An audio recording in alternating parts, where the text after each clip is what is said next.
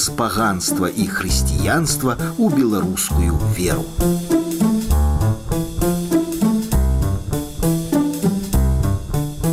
Гэтая гісторыя пачыналася для мяне з непрыемнасці. Улетку 1998 едучы на сваім запарожцы з вільні ў Менск, я перасякаў мяжу ў каменным лагу.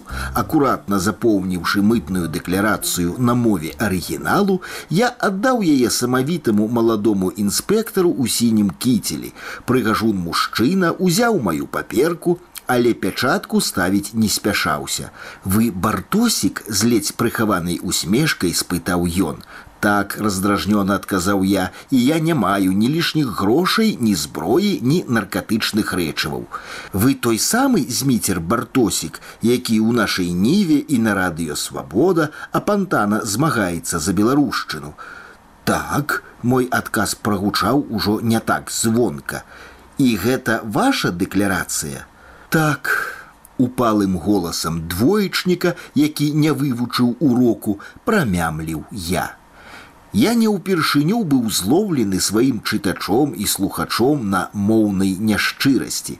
Аднойчы мне ўжо прыходзілася чырванець у кабінеце акуліста. Іншым разам у аўтамайстэрні я клікаў на дапамогу сваіх расейскіх продкаў. Але з чытачом у форме сутыкнуўся ўпершыню. Колькі ж нас много, думаў я, перапісваючы дэкларацыю і ўнутрана даючы урачыстае абяцанне, больш ніколі не запляміць сваё светлае беларускае імя.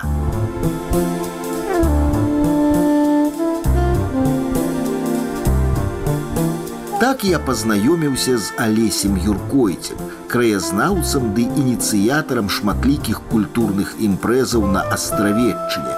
Менавіта алесь распавёў мне пра яшчэ адзін забыты адрас нашай культуры, капліцу казімера сваяка.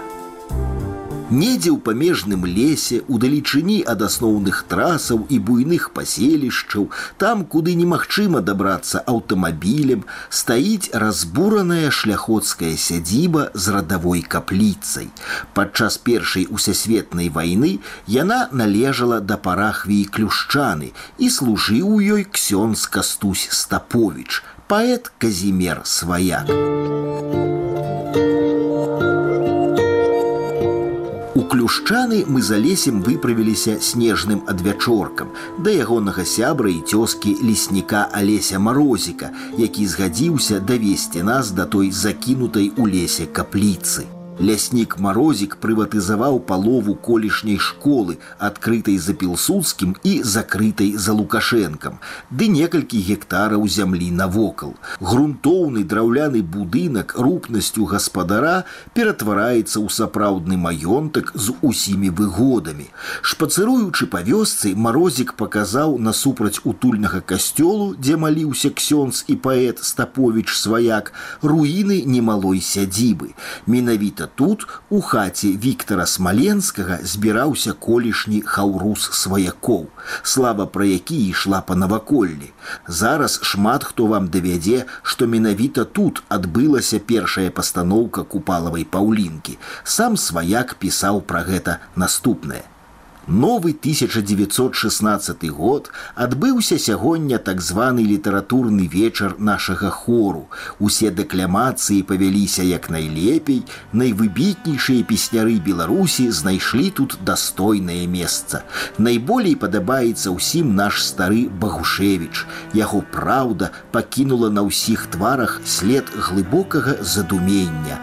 Ой, цяжка, цяжка, словы гэтыя узятыя з-пад сэрца беларуса.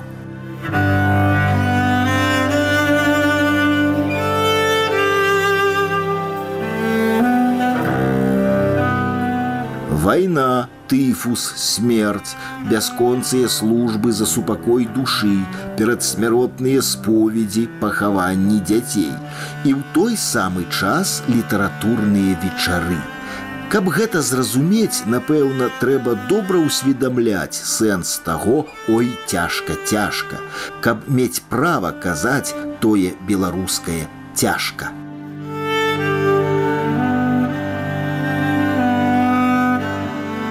Мы ехалі ў лес да таямнічай капліцы. Конь чучмек бег па мокрым снезе з цяжкасцю цягнучы нашыя санкі. Пад шоргат палазоў я слухаў сваіх новых сяброў, гаварыў Алесь Юркойць. Пад'язджаем да месца, якое называецца шайкуны.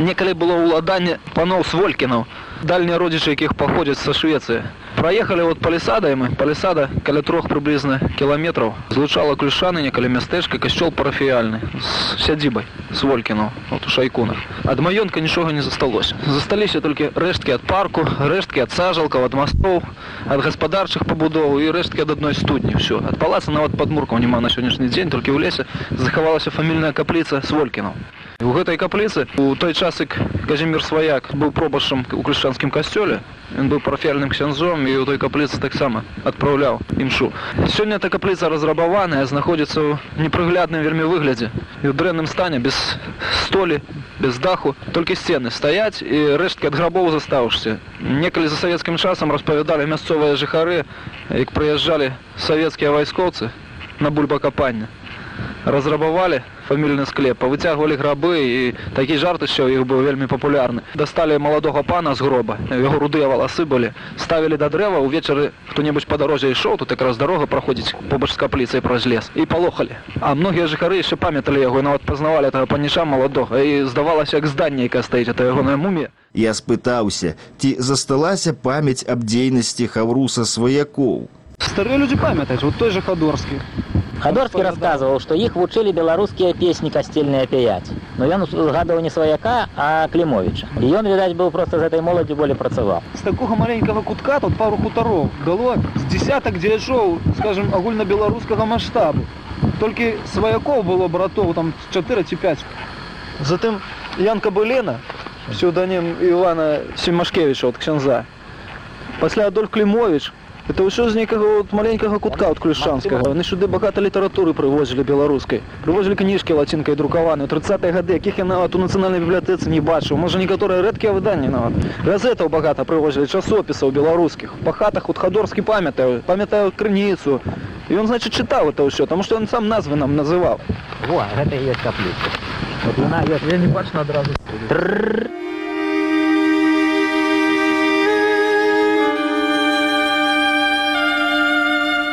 Схаваная сярод ялін руіна паказваецца з дарогі нечакана. І здаецца, у гэтым глухім атачэнні вяршыняй архітэктурнай зграбнасці, пабудова аскетычная, сціплая, атынкаваныя сцены вышынёю метраў 5, гатычныя вокны, столь абваленая, пазіраючы на капліцу з розных бакоў, я злавіў сябе на думцы, што ледзь не ва ўсіх беларускіх руінах не знаходжу прыгажосці Злосці заняпаду. Усе нашыя разбураныя помнікі карціць прывесці ў першапачатковы выгляд, у тым ліку і гэтую капліцу.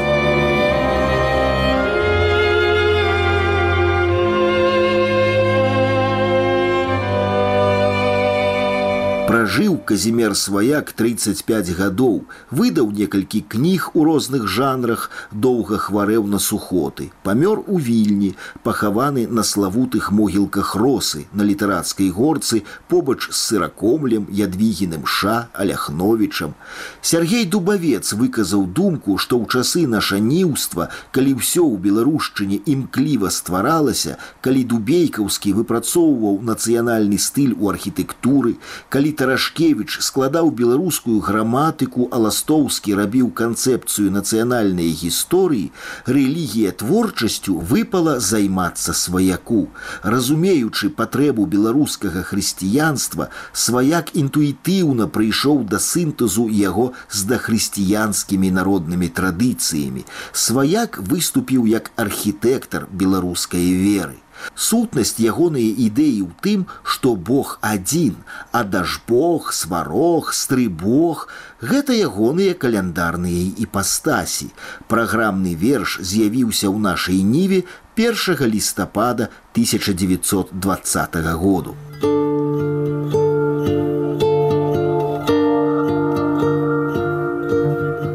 Задушкі ідуць, самлела ўжо прырода, абмыў ужо дождж васенну дамавіну, стрыбог узяў у руки все ад рода, а мокша отрасла апошнюю галіну. Чакае все, калі дажбог уладарны, задержыць рэкі усковы лядаваты, калі Пятро ў небе гаспадарны для бедных душ зачыніць Божы хаты, спачыне і смерць узімку у марозну, затихне звер, заглохне ў лесе птушка, у цемру воўк завые так трывожна, як бы сканала, где ягоная дачушка. На голас той сварог пашлець прадвесне і першым перуном разваліць моц стрыбога, скрушее лёд, зямлі пялёнка счэзне, і ўсё жывое зноў пагорнецца да Бога. Гледзячы на двух моцных мужчын каля капліцы сваяка, я раптам зразумеў, чаму беларусаў называюць нацыяй паэтаў, невялікіх палітыкаў ды вайскоўцаў, ні навукоўцаў і не спартоўцаў. Яны спартоўцы з палкаводцамі, безумоўна, былі, ёсць і будуць. Але так выйшла, што калі па-сапраўднаму цяжка, толькі на паэтаў апошняя беларуская надзея.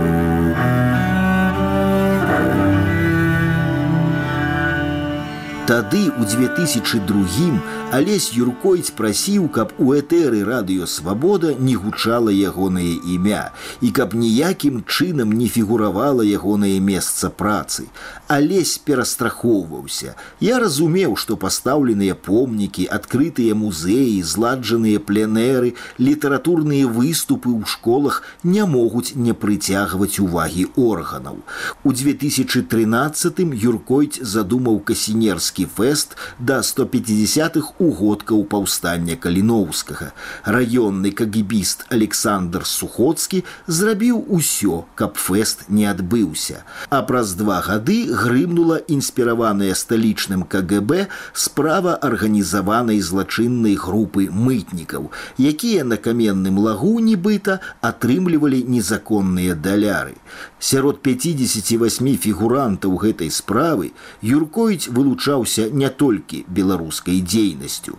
Александр Михайлович Сухоцкі канваяваў яго ў сталіцу асабіста, не змог адмовіць сабе ў задавальненні. Суд не выявіў доказаў алесевай віны, толькі зацвердзіў абвінавачанне КГБ. Такі суд. Юркойцю далі сем гадоў турмы. Калісьці расійскі пісьменнік варлам шаламаў, згадваючы свой гулах, сцвярджаў, што выпадковых людзей у лягерах не было. Абвінавачанні маглі быць самымі абсурднымі, але толькі не фігуранты.